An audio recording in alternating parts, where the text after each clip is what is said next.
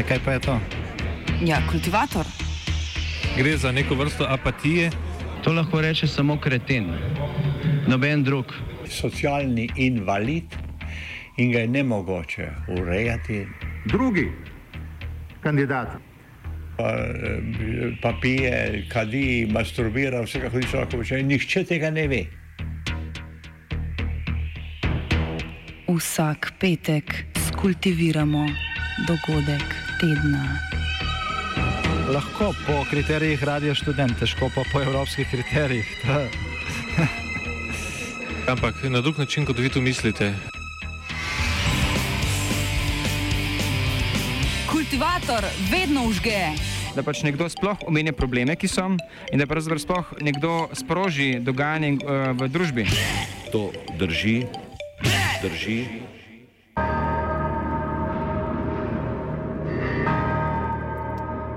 Kdo pleše in upravlja z volkovi?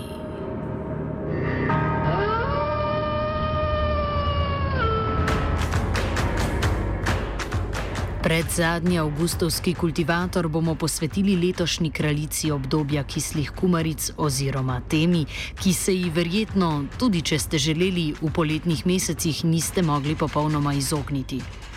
Kar se je že zgodaj leto začelo z jezo kmetov in živinorejcev zaradi odločitve upravnega sodišča, da zadrži izvajanje odloka o rednem odzemu rjavega medveda iz okolja, se je kasneje ob pomankanju drugega poletnega dogajanja prelevilo v ideološke vojne in tekmovanje v nabiranju političnih točk. Medijsko pozornost pa je pridobilo slehrno strani volkov pokončano jagnje.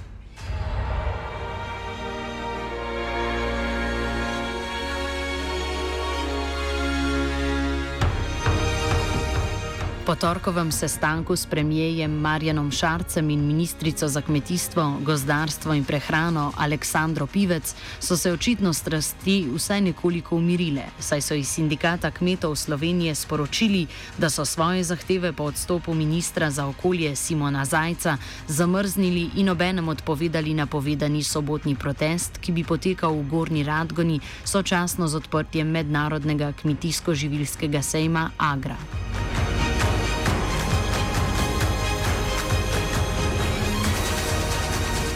Razloge za zamrznitev zahtev opiše Anton Medved, predsednik sindikata kmetov Slovenije.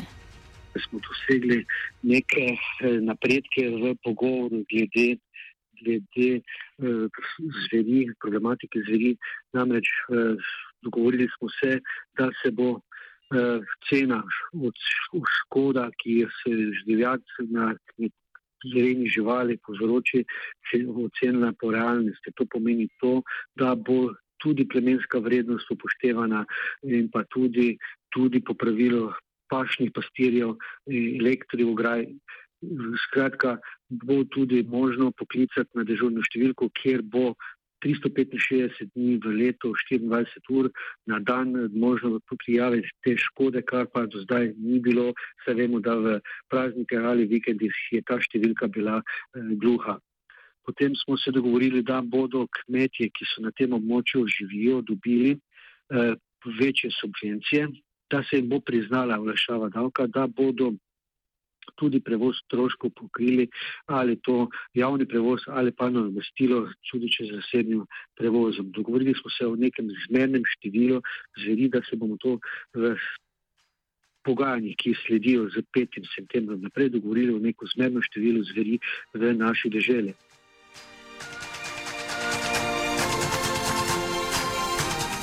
Kmetje in živinorejci sicer predstavljajo enega od deležnikov, ki ga zadeva problematika upravljanja zveri. Čeprav škodo povzročajo tudi druge prosto živeče živali, je letos govor predvsem o dveh ogroženih in zavarovanih vrstah: rjave medvedu in volku, ki v povprečju povzročata največ škode.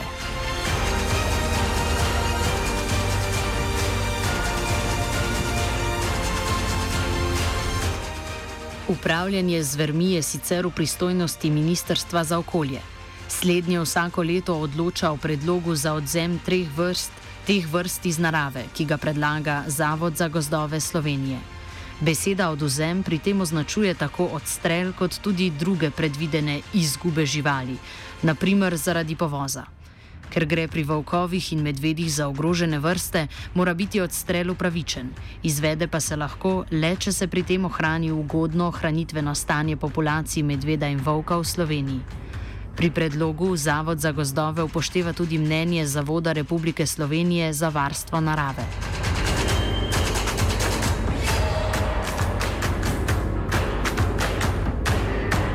Na ministrstvu o predlogu na to odloča ožja strokovna skupina za, upra za upravljanje, ki sprejema končno število živali za odstrel. Kasneje pa o njem razpravlja še širša skupina, v kateri so vsi deležniki, ki jih upravljanje z vrmi zadeva.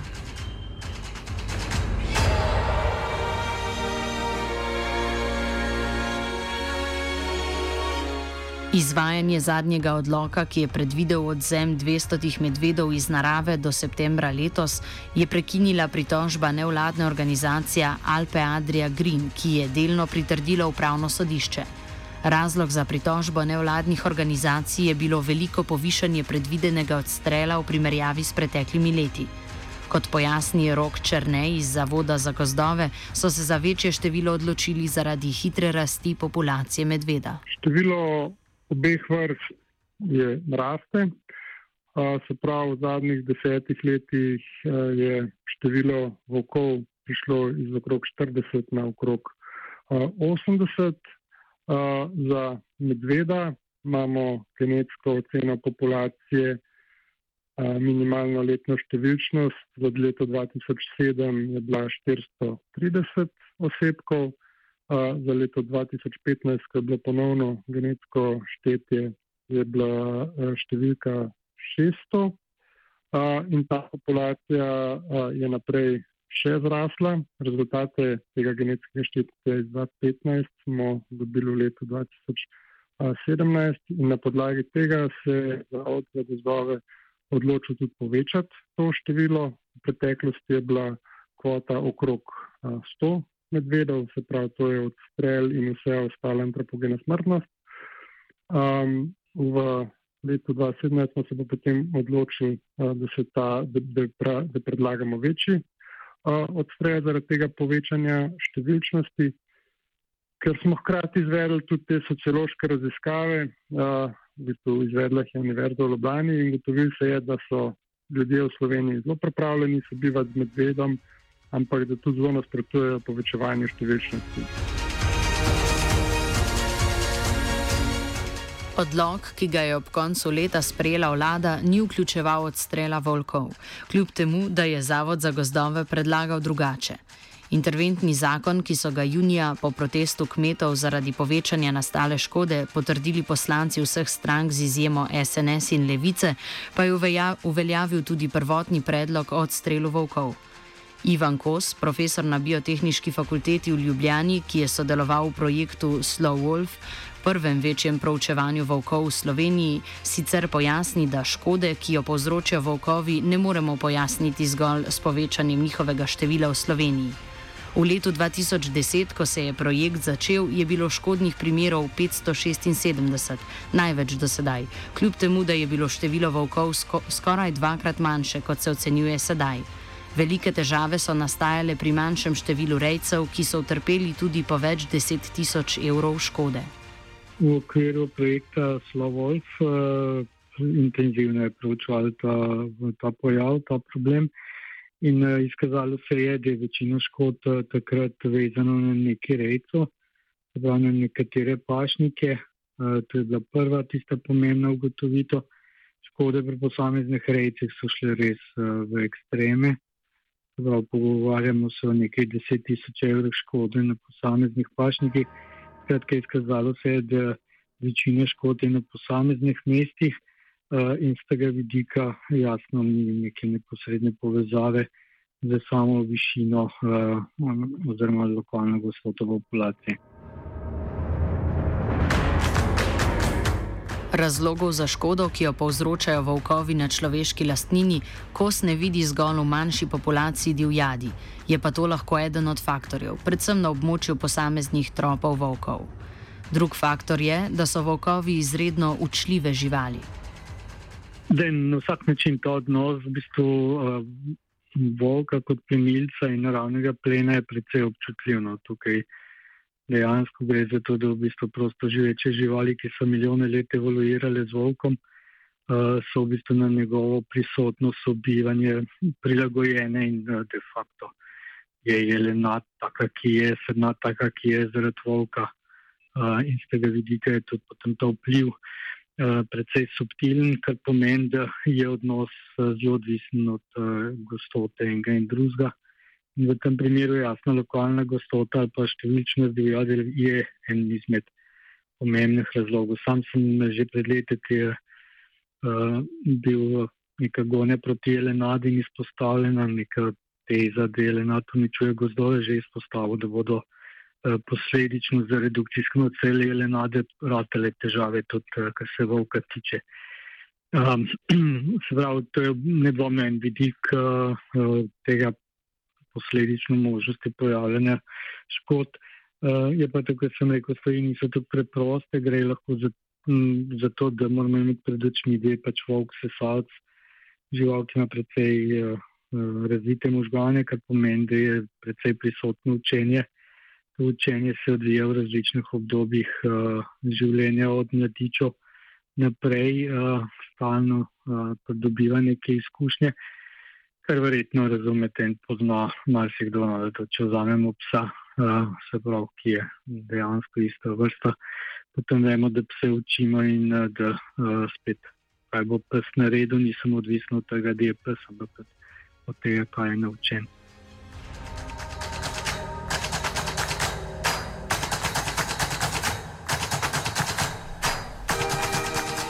Faktor števila volkov na širšem področju torej ni edini dejavnik za nastajanje škode. Prav tako so volkovi ter teritorijalne živali, kar pomeni, da en trop nadzoruje širše območje. S tem je v Sloveniji število volčjih tropov tako ali tako omejeno. Po drugi strani pa je število volkov v posameznem tropu lahko faktor, ko gre za povzročitve škode. Splošno pravilo naravi je, da je vrsta zelo vezana na to, da je nekoga, ki je ureguliran. Zaradi tega, ker na množitu ene vrste je pač za to vrsto lahko nekega uh, usodnega pomena, se pravi, evolucijsko zgledano, taka vrsta izgine. Uh, tako da bolj ali manj je to splošno pravilo. Res pa je, da v predicah je mogoče ta samoregulacijski vidik še bolj izpostavljen in prvo, ko, pa jasno tudi pri lisicah in šakalih in drugih vrstah, imamo tam mehanizem teritorijalnosti, ki pač z vidika prostora uh, dela razporeditev bolj enakomerno in jasno, da ni treba čakati, da živali poginijo tako, ampak gre v bistvu že za to, da se številčnost regulira s tem, koliko je na razpolago tega praznega prostora. Se pravi, nedvomno prihaja do tega, da pač ta gostota volku je vezana pač na teritorij in znotraj teritorija vemo, da ni pet teritorijev, ampak je samo ena, ena trop, ena družina in iz tega vidika je neko maksimalno število uh, že regulirano samo vrsto kot tako. Ne tisto, kar je v Sloveniji problem, pa kar mogoče kljub samo uh, treba izpostaviti, pa to, da velikost uh, tropa pa lahko na nek način je tudi pomemben dejavnik, s katerim je treba operirati in imeti pred očmi. Ne se pravi, gre v bistvu za to, da če vzamemo to velikost površine med 20 in 30 tisoč hektarjev, ali imamo potem veliko družino ali manjšo družino, pa je lahko razlika.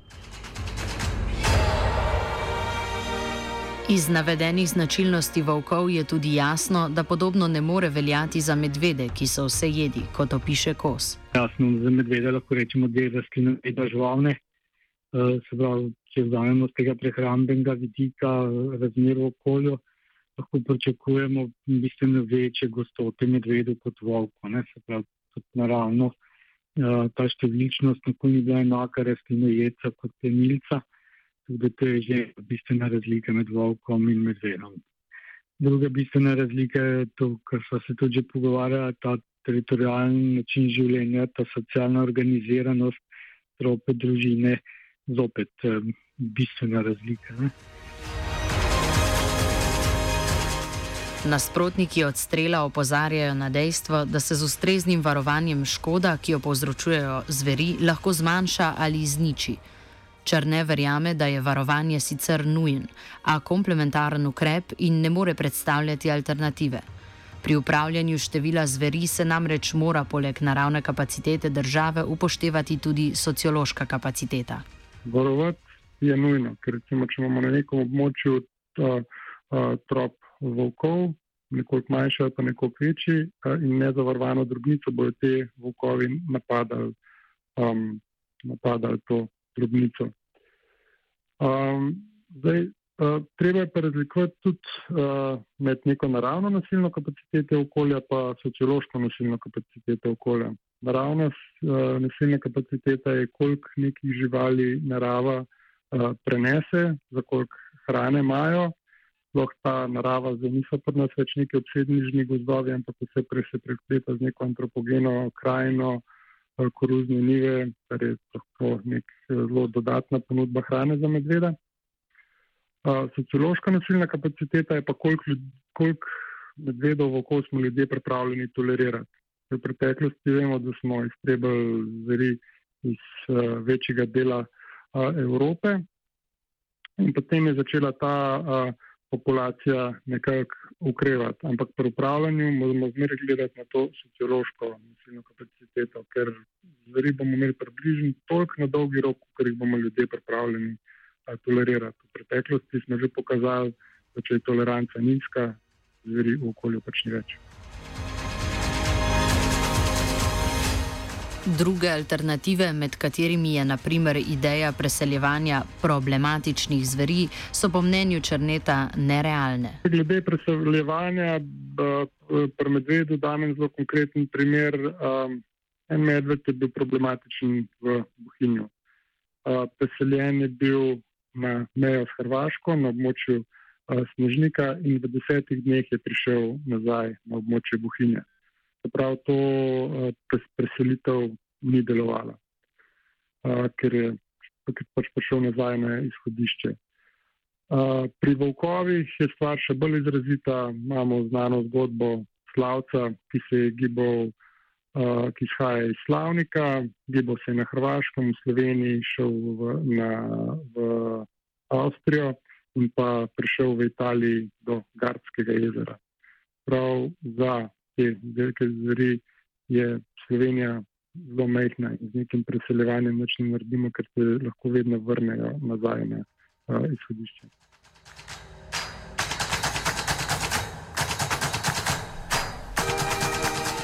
Eden od ukrepov, ki ga sindikat kmetov Slovenije še vedno zahteva od države, je uvedba dežurne številke, na katero bi lahko rejci 24 ur na dan javljali nastanjanje škode strani zveri. Posebej po njihovem mnenju prihaja do težav med prazniki, ko je nastajanje škode pogosto, do izplačevanja odškodnin pa prihaja z zamikom. Upravičen do škode je, če je to ugotovljeno, da je bil, to, uh, bil volk ali medved.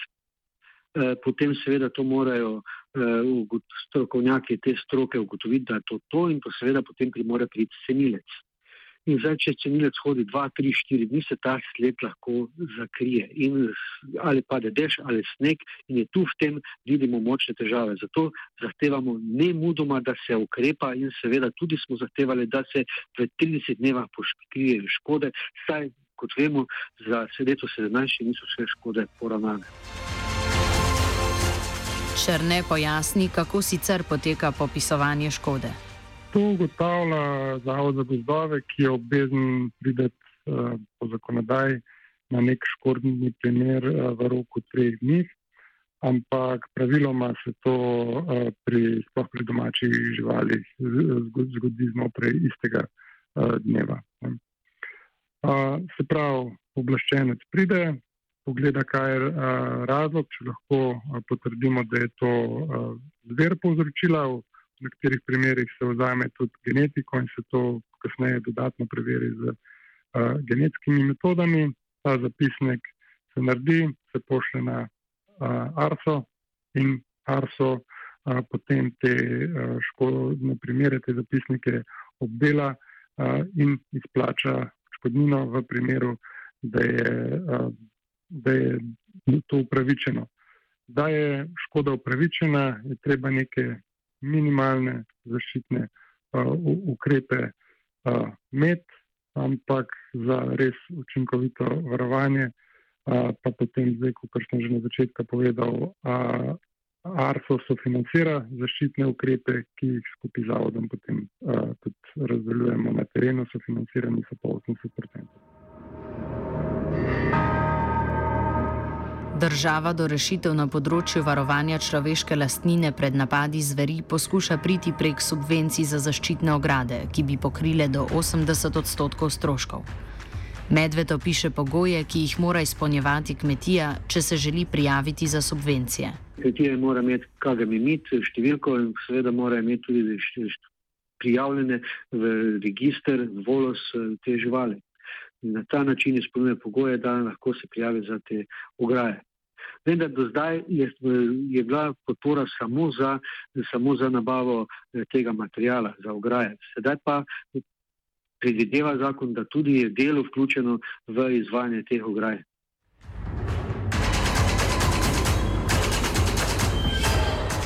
Trenutna ureditev ima sicer eno pomankljivost. Opišajo črne iz Zavoda za gozdove. Trenutni problem je to, da se a, ta sofinanciranje izplačuje samo a, tistim, ki so že imeli škode. A, menim, da bi bilo pravilno, da se to da vsakemu, ki je na območju zveri in si želi svoje območje zaščititi, svoje imetje zaščititi, tudi če v preteklosti še ni imel škode.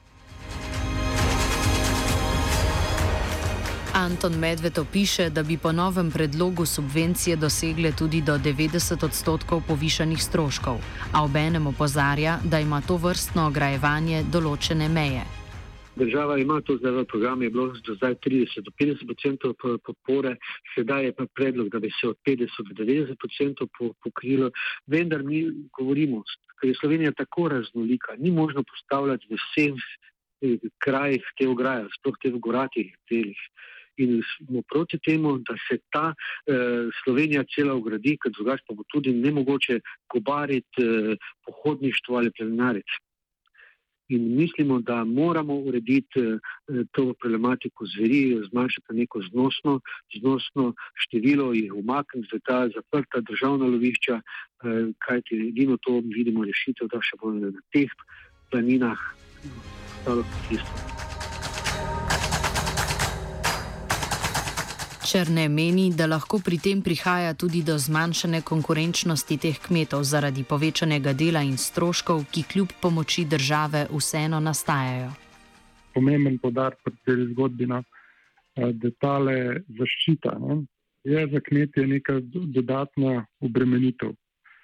Um, in nekako se mi zdi prav, da se vzpostavijo take mehanizme, da te kmetje, ki so na območju, kjer se pojavljajo medvedi, volkovi niso potem manj konkurenčni v primerjavi s tistimi, ki niso, ne? in da se tem kmetom res uh, pomaga. Tudi za to delo, ki je, se mi zdi prav, da se jim nekako uh, povrne ta, to, to dodatno delo, uh, ki ga imajo uh, s to zaščito, in pa tudi, da se z rejci nekako mi skozi sodelujemo in iščemo rešitve, ki so najbolj uh, sprejemljive za njih. No? To, to, to je pomembno, uh, da je to nek stalen proces, v katerem si mi vsi skupaj skozi učimo in iščemo, uh, na kakšen način lahko kmetje zaščitimo, da, imajo, da je zaščiteno nekako po najmanj truda, da je dosežen učinek, da do škod ne prihaja. Z uvedbo interventnega zakona in obenem povečano medijsko pozornostjo v času kislih kumaric so se težave pri upravljanju zveri potencirale in dobile politično noto.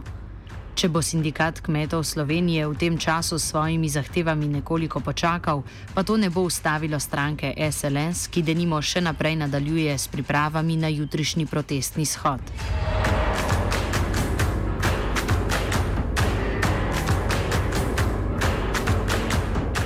Kultiviral je Jure.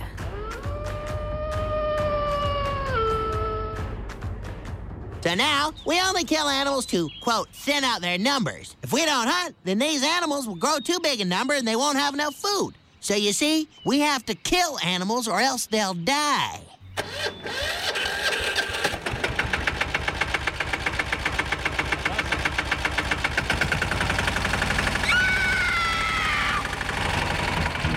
E, kaj pa je to? Ja, kultivator. Gre za neko vrsto apatije. To lahko reče samo kreten, noben drug. Socialni invalid in ga je nemogoče urejati. Drugi kandidat. Pa, eh, pa pije, kadi, masturbira, vse kako ti človek počne. Nihče tega ne ve.